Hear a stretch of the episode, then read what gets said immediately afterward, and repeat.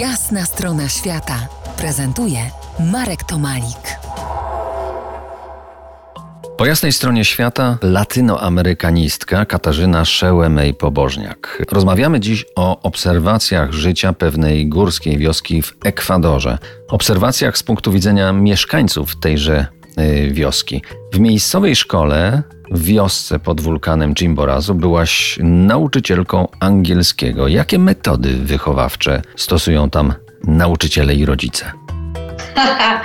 Marku, to były de facto dwie szkoły. Ja uczyłam angielskiego w szkole, która była tak jakby instytucją prywatną, czy też szkołą prowadzoną przez organizację pozarządową. Ideą tej organizacji pozarządowej było to, żeby stosować inkluzywność kulturową, czyli żeby nauczać dzieci zgodnie z ich umiejętnościami językowymi. Ta szkoła próbowała nauczyć dzieci myśleć, tak? Integrować, wykorzystywać ich najlepsze, najsilniejsze strony, więc idea była bardzo fajna. E, I to było gimnazjum. Natomiast obok gimnazjum funkcjonowała państwowa podstawówka, do której chodziły wszystkie dzieci w wiosce. To było takie miejsce, w którym dzieci z kultury i mówiące w języku kiczua po raz pierwszy przeżywały mocne zderzenie z dominującą w Ekwadorze kulturą hiszpańskojęzyczną. I problemy zaczynały się już na samym początku, ponieważ do dzieci pierwszej klasie nauczyciele hiszpańskojęzyczni mówili po hiszpańsku, natomiast dzieci mówiły w języku kiczua i hiszpański znały co najwyżej troszeczkę.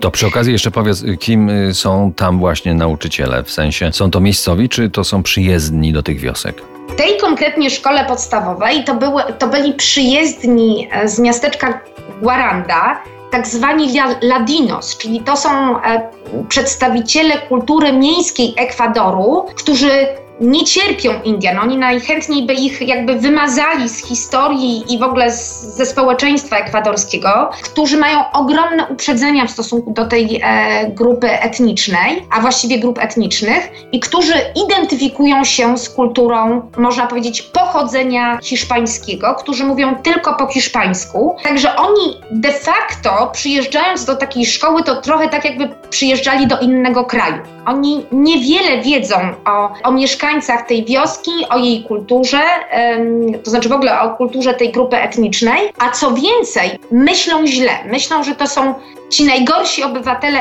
Ekwadoru, brudni, głupi, których najlepiej, żeby w tym kraju w ogóle nie było. Tak, tak to statystycznie wygląda, bo nie chcę też powiedzieć, że każdy taki jest, ale to jest, to jest sposób myślenia przeważającej większości. Oj, przypomina mi się tutaj film i, i, i znakomita powieść Konopielka w tym momencie.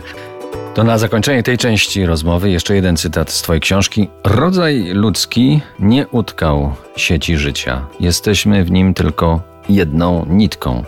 Cokolwiek czynimy sieci, czynimy też sobie. Wszystkie rzeczy są ze sobą powiązane, wszystkie rzeczy się łączą. Miał to powiedzieć wódz Seattle tak.